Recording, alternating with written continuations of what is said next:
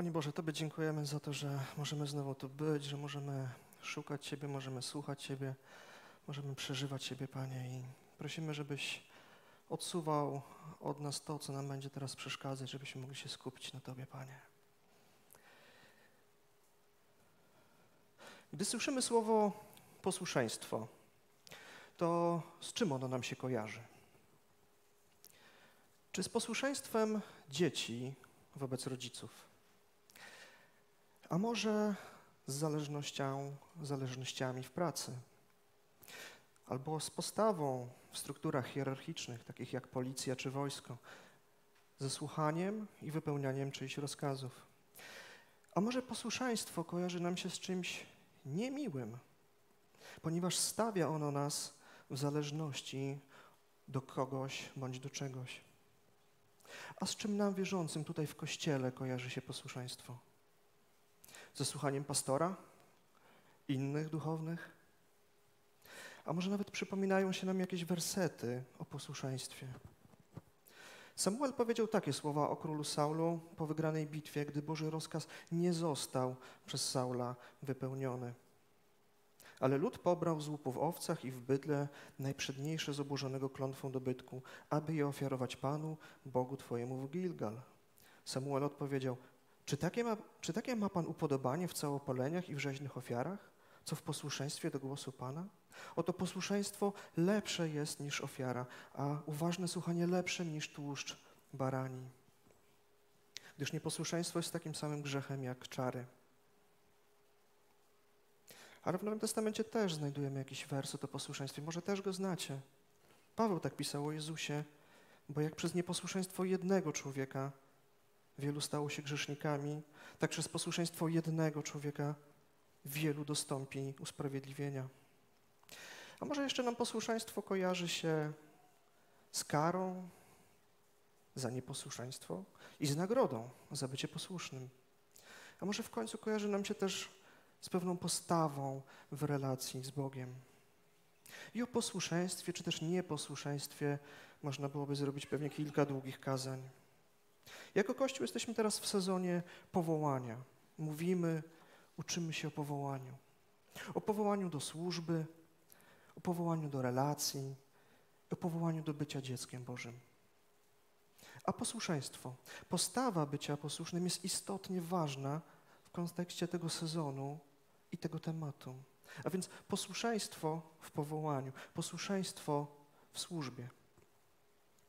Wiecie, że nawet o Jezusie i Jego służbie czytamy, że był posłuszny aż do śmierci i to do śmierci krzyżowej. Tak więc dzisiaj spojrzymy sobie na dwie postacie ze Starego Testamentu, na ich postawy. Zobaczymy, do czego zostali powołani i czy byli w tym posłuszni. Czy wypełnili zadania, które powierzył im Bóg. Jest to pierwsze kazanie w ramach naszego nowego, zapowiadanego już od kilku miesięcy cyklu Otwarte Domy w ramach którego, tak jak mówił Wiktor na początku, jak mówił Marek przed chwilą, będziemy przyglądać się różnym bohaterom wymienionym na kartach Biblii. Temu, w jaki sposób byli powoływani. Temu, jak zaczynali służyć i jak kończyli. Temu, z czym się zmagali i jakie ponosili konsekwencje. Ich zwycięstwom, ale też ich porażkom.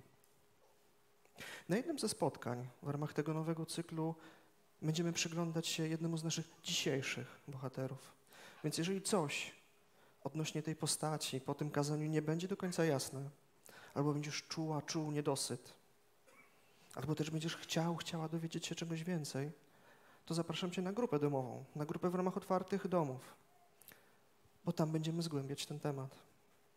A jeżeli, jeżeli jeszcze nie jesteś w żadnej grupie, jeżeli się nie zapisałeś, nie zapisałaś na kilku z poprzednich nabożeństw, to możesz podejść do Magdy po nabożeństwie i ona Cię już pokieruje co dalej. Więc mówimy o posłuszeństwie. Czym ono jest? Jaka jest definicja, jakie jest pochodzenie tego słowa? Słowniki w zasadzie podają dość podobną definicję.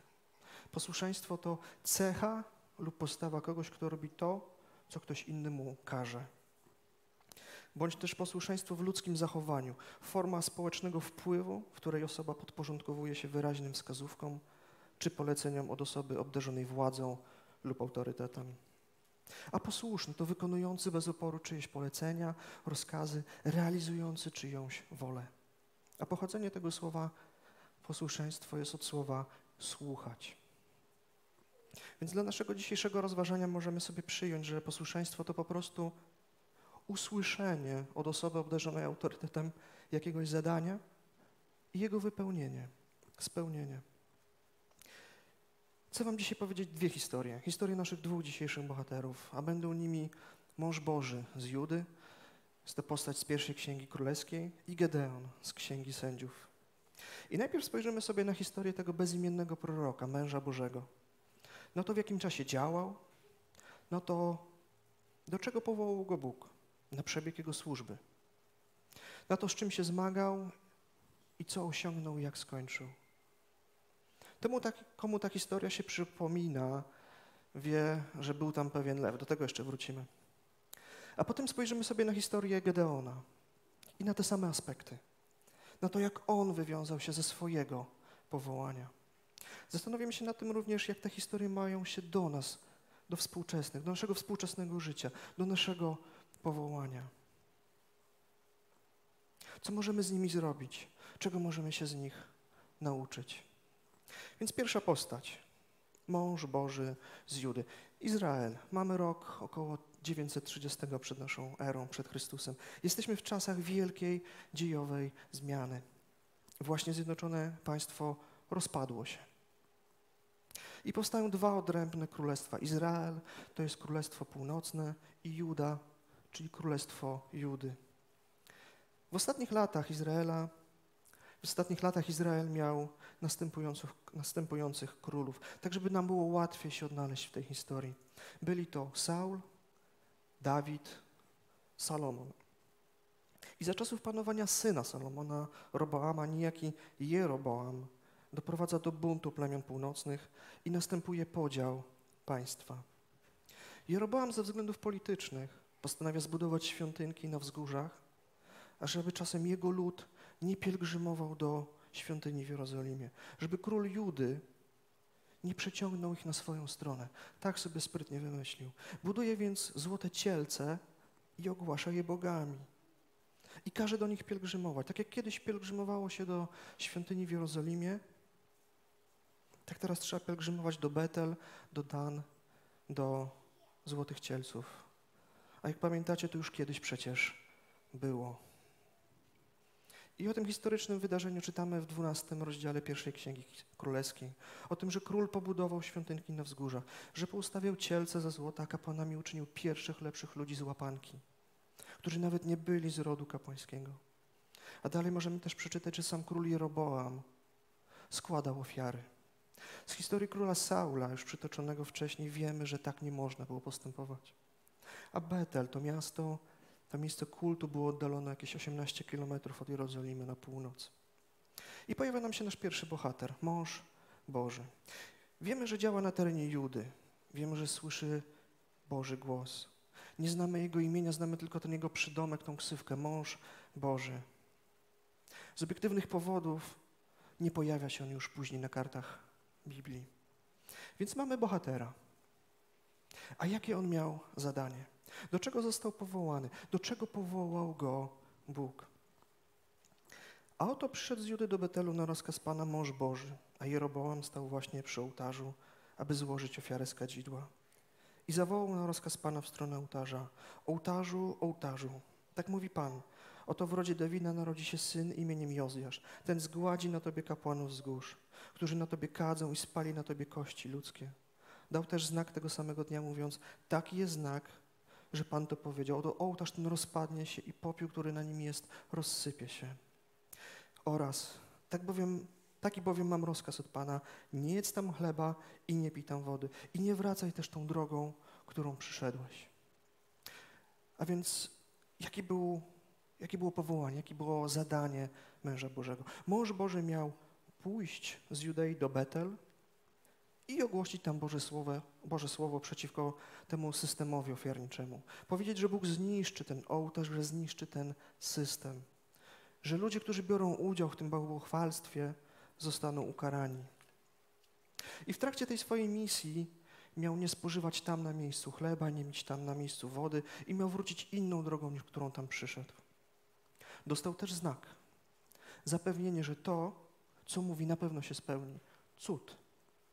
Zapowiedział zniszczenie tego ołtarza.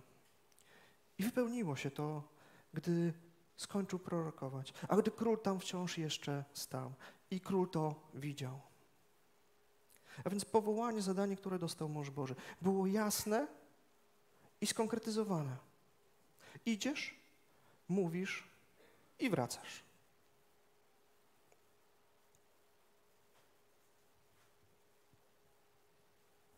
Kto z nas, szukających Bożego powołania dla swojego życia, nie chciałby go dostać w taki jasny i konkretny sposób? Ale czy mimo tego, że ono było przekazane w taki jasny i konkretny sposób, to czy ono było proste? Czy może było to duże wyzwanie? Czy było trudne? Trzeba było stanąć przed królem buntownikiem, autorem nowego systemu ofiarniczego, przed politykiem, przed kimś, kto rozbił państwo i jego jedność i zapowiedzieć mu, że Bóg wybrał już sobie w rodzie Dawidowym, czyli u konkurencji, w Królestwie Judy, nie w Królestwie Północy, kogoś, kto zniszczy ten system. I trzeba było mu to powiedzieć w twarz. Kto z nas zebrałby się na taką odwagę? Dodatkowo całą tą podróż trzeba było odbyć nie jedząc i nie pijąc oraz wracając inną drogą niż ta, niż ta, którą się tam poszło. To pierwsze wydaje się niesamowicie trudne, tak? Pójść stanąć przed królem, już w obcym kraju i zapowiedzieć zniszczenie. To drugie zadanie nie wydaje się chyba aż tak trudne. Z Jerozolimy do Betel jest 18 kilometrów. Na piechotę to będzie 4, może 5 godzin marszu, czyli taka wyprawa na cały dzień. Bez jedzenia i bez picia. Więc co czytamy o tym naszym bohaterze? Że przyjął to powołanie? Że poszedł za głosem Bożym? Czy się posłuchał? Gdy król usłyszał słowo męża Bożego, który wypowiedział o ołtarzu w Betel, wyciągnął Jeroboam swoją rękę do ołtarza i zawołał, pochwyćcie go. Dlaczego ręka, którą wyciągnął przeciwko niemu, uschła i nie mógł jej opuścić z powrotem? Ołtarz zaś rozpadł się, a popiół rozsypał się z ołtarza zgodnie ze znakiem, jaki dał na rozkaz Pana mąż Boży. I rozwał się więc król i rzekł do męża Bożego, przebłagaj proszę oblicze Pana, Boga Twego i módl się za mną, abym mógł opuścić z powrotem moją rękę. I przebłagał mąż Boży oblicze Pana, tak że król mógł opuścić z powrotem rękę swoją i była jak poprzednio. Potem, że król do męża Bożego, chodź ze mną do domu, posil się, chcę ci też dać upominek. Lecz mąż Boży odpowiedział królowi, choćbyś mi dał nawet połowę Twojego mienia, nie pójdę z Tobą i nie spożyję chleba i nie napiję się wody na tym miejscu. Taki bowiem mam rozkaz od Pana, nie spożyjesz chleba, nie napijesz się wody, ani nie wrócisz tą samą drogą, którą przyszedłeś. Poszedł tedy inną drogą, nie wracał tą, którą poszedł do Betelu. Stanął przed królem, przekazał mu to, co Bóg chciał. Czy król przyjął to łagodnie i ze zrozumieniem? Czy pokutował i chciał zmiany? Nie. Kazał go pojmać. Prawdopodobnie chciał go po prostu zabić. Czy Bóg potwierdził swoje słowo cudem? Tak, ołtarz się rozpadł. Co tam jeszcze się wydarzyło? Czytam, że królowi uschła ręka, gdy kazał pojmać męża Bożego. Król prosił, a mąż Boży przebłagał Boga. I król był znów zdrowy. Czyli Bóg zadziałał dwukrotnie. Potwierdził prawdziwość i powołanie męża Bożego, tę misję. Kto z nas, wysłanych, powołanych do zrobienia czegoś, powiedzenia komuś jakiegoś słowa, powołanych do nauczania dzieci na szkółce, do głoszenia na ulicy, do prowadzenia grupy domowej, czy też do poradnictwa, nie chciałby doświadczyć takich cudów. Potwierdzenia tego, że to faktycznie jest Boże powołanie, że to jest właściwe miejsce. Kto by nie chciał? Jak mogłoby to wpłynąć na nas, na naszą służbę? A co robi nasz bohater? Król zaprasza go na ucztę. On odmawia. Wraca do domu inną drogą. Nie ugiął się przed królem. Ryzykował swoje życie. Wytrwał. Okazał wiarę. Był posłuszny powołaniu i zleconej przez Boga misji. I okazał się też wspaniałomyślny wobec króla. Kto z nas by tego dokonał? Przejść 10 kilometrów bez jedzenia i picia. To już pewnie byłoby dla nas współczesnych jakieś wyzwanie. Ale stanąć przed buntownikiem, królem i powiedzieć mu kilka krytycznych słów i narazić się na śmierć. My, którzy czasami mamy problem, żeby wykonać prostą służbę, żeby komuś powiedzieć może o Bogu, żeby czasami pomóc komuś, dać coś, zrobić, zamiast tylko mówić.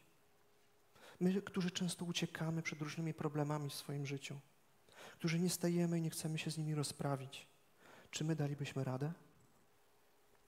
I tutaj w zasadzie można byłoby zakończyć tą historię. Zakończył misję mąż Boży i wraca do domu inną drogą.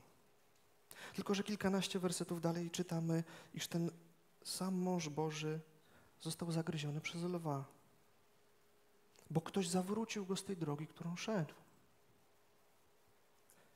Usłyszawszy o tym prorok, który zawrócił go z drogi rzek, jest to ów mąż Boży, który sprzeciwił się słowu z ust Pana. Pan przeto wydał go na pastwę lwa, który go pogruchotał i zagryzł zgodnie ze słowem, jakie doń wypowiedział.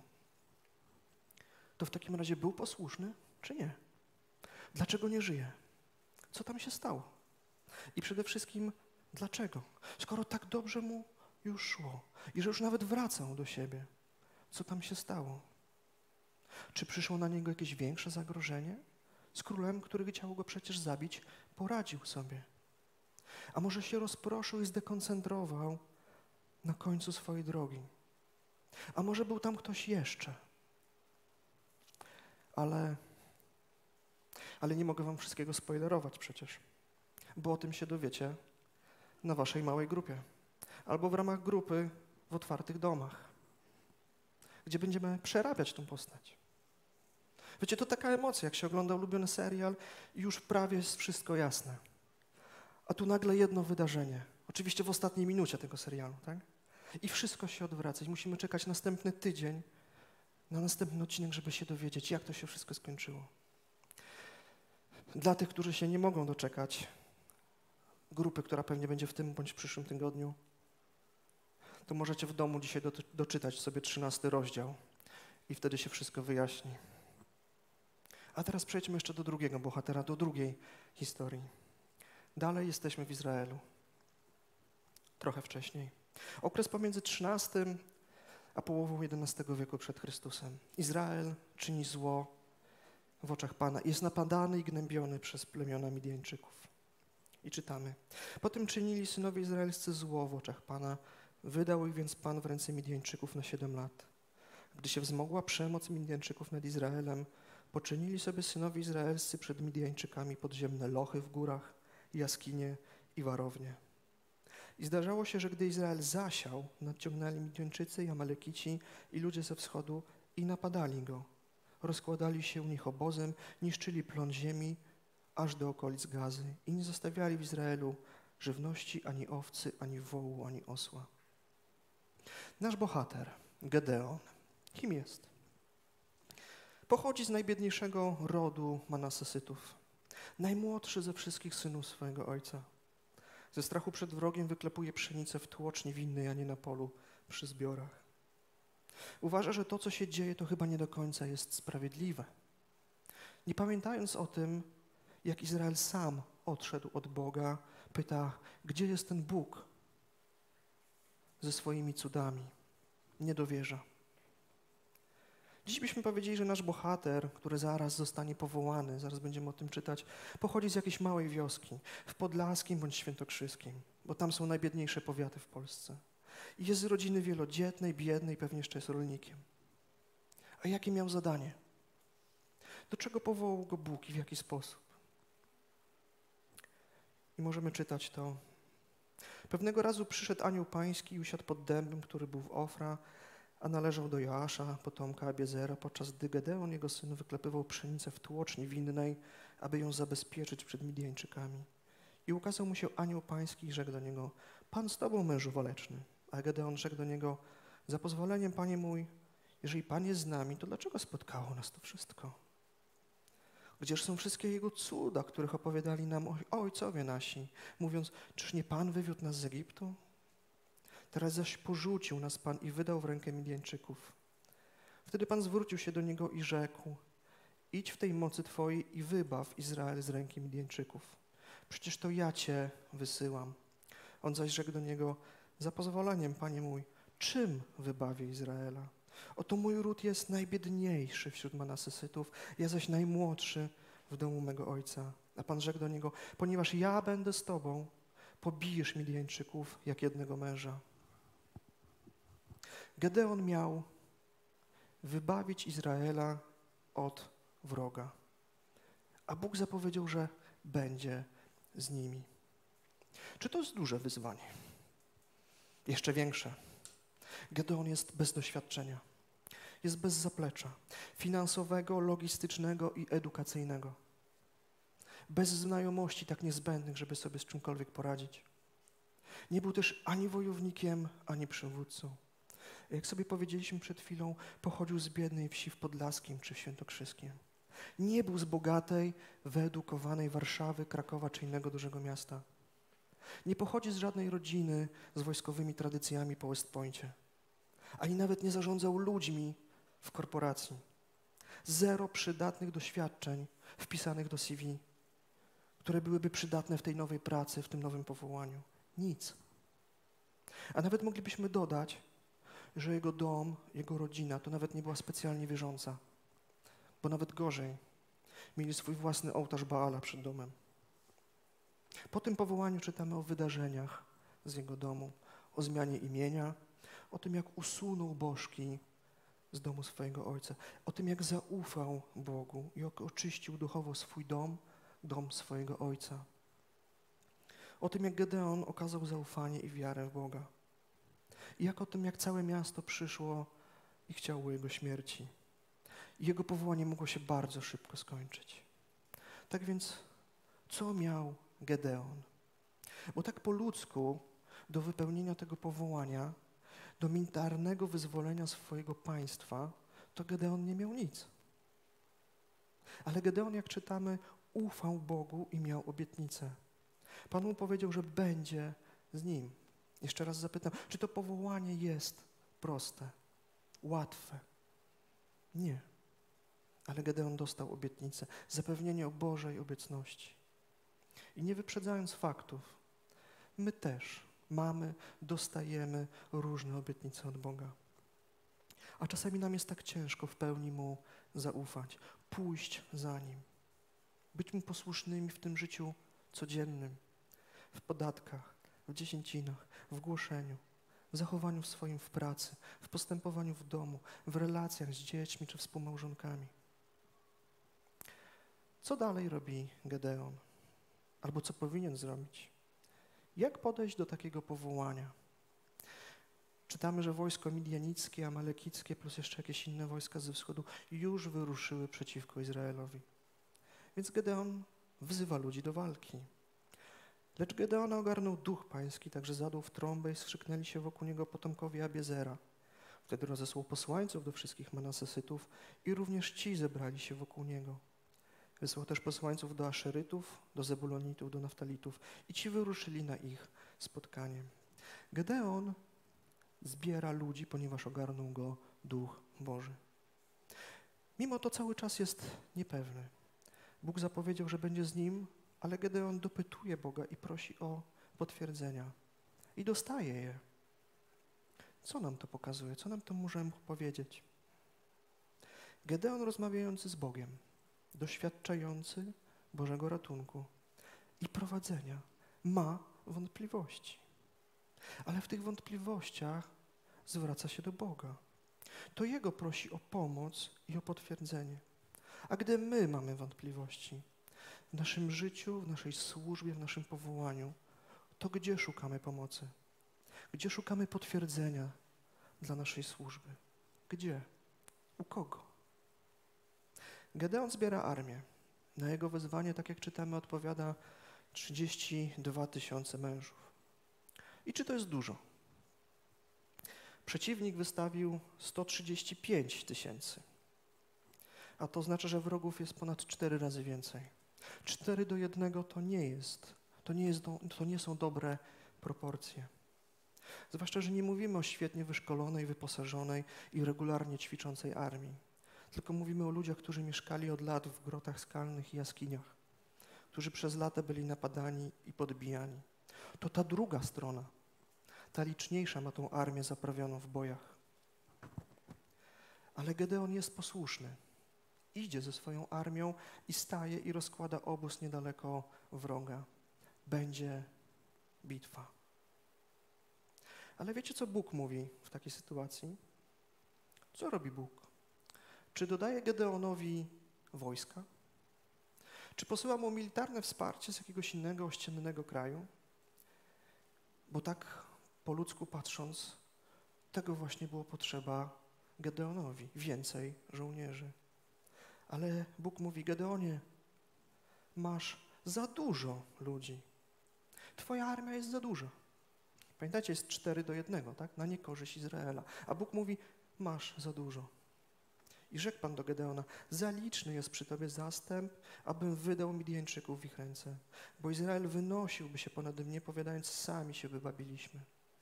Każ więc ogłosić ludowi tak, aby usłyszał. Kto bojaźliwy i lękliwy, niech zawróci. I dokonał Gedeon przeglądu, wskutek czego zawróciło z zastępu 22 tysiące, a pozostało 10 tysięcy.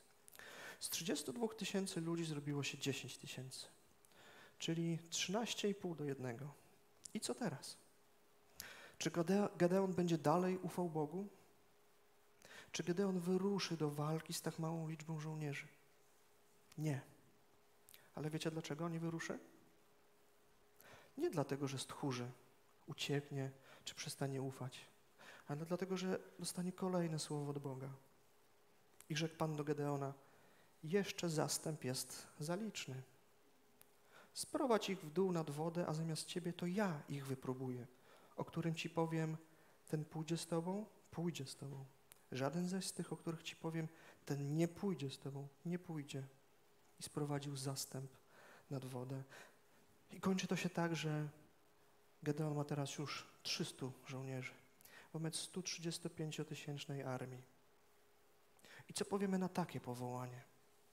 miałeś 32 tysiące ludzi, 32 tysiące, 32 tysiące żołnierzy i jeszcze jako tako to wyglądało. Bo Bóg obiecał Ci być z Tobą, Ci pomóc. Ale Bóg teraz zabrał większość z nich. W zasadzie zabrał wszystkich i zostało Ci już tylko 300. I jak tu spełnić Boże powołanie? Jak Mu ufać? Jak zaufać Bogu w takiej sytuacji? Czy można w ogóle Mu zaufać? Obiecał swoją pomoc, a kazał odesłać armię. Co to za pomoc? Czy takiej pomocy byśmy się spodziewali? Czy takiej pomocy byśmy oczekiwali na miejscu Gedeona? Czy właśnie tak często nie myślimy? Czy nie oczekujemy na to, że Bóg zadziała tak, jak my chcemy i tak, jak my uważamy, że jest to słuszne i potrzebne? Gdzie jest miejsce dla Boga? A co się dzieje dalej? Gdy Gedeon wraz ze stu mężami, którzy byli z nim, dotarł na skraj obozu na początku środkowej straży nocnej, a właśnie rozstawiano straże, zadali w trąby i rozbili dzbany, które mieli w rękach. Wtem zadeły w trąby trzy chówce i potłukli dzbany, pochwycili w swe lewe ręce pochodnie, a w prawe ręce trąby, aby zatrąbić i zawołali miecz dla Pana i dla Gedeona. Gdy zatrzymali się wszyscy tam, gdzie stali wokół obozu. W obozie zaś wszyscy biegali w koło, krzyczeli i uciekali. Gdy zaś zadeło owych trzysta trąb, Pan sprawił, że jeden raził drugiego mieczem w całym obozie i rzucił się cały obóz do ucieczki. Czytamy, że z trzystu osobami Gedeon wprowadził popłoch w obozie wroga. Ten rzucił się do ucieczki. A potem do tego pościgu przyłączały się kolejne plemiona izraelskie i ścigali uciekinierów i ich pokonali. Zebak zaś i Salmunan byli w Karkor, a z nimi ich wojsko w liczbie około 15 tysięcy niedobitków z całego wojska ludu ze wschodu. Poległo zaś z nich 120 tysięcy mężów. Po zwycięstwie chciano obwołać Gedeona królem. On odpowiedział, że ani ja nie będę panował nad wami, ani syn mój nie będzie panował, ponieważ Pan będzie panował nad wami. I dalej moglibyśmy sobie doczytać, że Gedeon sądził jeszcze Izraela przez 40 lat i że panował tam pokój. A przechodząc do, do podsumowania, mamy dwóch bohaterów. Dwie skrajnie różne osoby, które Bóg postanawia użyć. Męża Bożego, który zapewnie ma taką ksywkę nie bez powodu, oraz Gedeona, młodego chłopaka z biednego domu bez wykształcenia. Obaj słyszą Słowo Boże i obaj odpowiadają na to powołanie. Idą wykonać to, co Bóg od nich chce. Jeden ma jasne, skonkretyzowane zadanie: pójść do króla buntownika, powiedzieć mu słowo od Boga i wrócić sobie do domu. A drugi ma wyzwolić militarnie cały kraj. I nie ma w tym żadnego doświadczenia i nie wie, jak ma to zrobić. Mąż Boży wykonuje swoje zadanie, powołuje się na słowo, które dostał od Boga, a Gedeon jest cały czas niepewny i prosi Boga o potwierdzenie. Mąż Boży wykonuje swoje powołanie, ale na koniec błądzi i nie wraca już do swojego domu. Dotyka go kara. Błądzi wtedy, gdy jego życie już nie jest zagrożone. Wtedy, gdy już praktycznie dotarł do Judy. Gedeon doświadcza Bożego prowadzenia, które z logicznego punktu widzenia jest nieracjonalne. Ufa Bogu, nie sprzeciwia się, nie kwestionuje i odnosi zwycięstwo. Więc co z tej historii weźmiemy dla siebie? Chciałoby się powiedzieć po pierwsze, po drugie, po trzecie posłuszeństwo, czyli wezwanie bądź posłuszny Bożemu powołaniu. Skoro to Bóg Cię do czegoś powołał i nawet może potwierdził to dodatkowo jakimś cudem, a może nie, to się tego trzymasz. To ja się tego muszę trzymać. Nawet jak przychodzą do Ciebie czy do mnie inni ludzie i powołują się na autorytety kogoś ważnego, Boga czy pastora czy innych liderów i próbują zmienić słowo, to powołanie, które dostałeś bezpośrednio od Boga, to trzymasz się Go. A może się zastanawiasz dzisiaj, czy jesteś we właściwym miejscu? Czy może Bóg się nie pomylił, powołując Cię na to miejsce? Albo czy może Bóg się nie pomylił, gdy teraz Cię powołuje? Bo przecież nie masz doświadczenia, nie masz zaplecza i nie masz wykształcenia. I nie masz, i tu możesz wpisać dowolną wymówkę, której się używa, żeby czegoś nie robić. To spójrz na Gedeona. On też nic nie miał. A to, co myślał, że ma, to nawet to mu zabrano. To, co faktycznie miał, to zaufanie. Zaufanie, co prawda, połączone z wątpliwościami, bądź też potrzebą potwierdzania, ale szukał tego potwierdzenia u Boga. A gdzie my? Gdzie ja i Ty? Gdzie my szukamy tego potwierdzenia? Czy odpowiemy na Boże powołanie? Czy też będziemy stosować wymówki? Więc jeżeli się zastanawiasz, co Ci jest potrzebne do wypełnienia Bożego powołania, bądź do przyjęcia powołania, to w zasadzie tak jak Gedeon i mąż Boży, potrzebne Ci jest zaufanie. Zaufanie Bogu i okazanie Mu posłuszeństwa. Żeby robić to, co On chce, żebyś robił. Żeby robić to, co On mówi, że masz zrobić. To, do czego Cię powołuje. A o tym, w jaki sposób Bóg powołuje do służby, o tym będziemy mówili na najbliższych grupkach i na najbliższych kazaniach w tym miesiącu. Poproszę też już zespół. A w Ewangelii Jana czytamy takie słowa. Znajdujemy tam taką zachętę.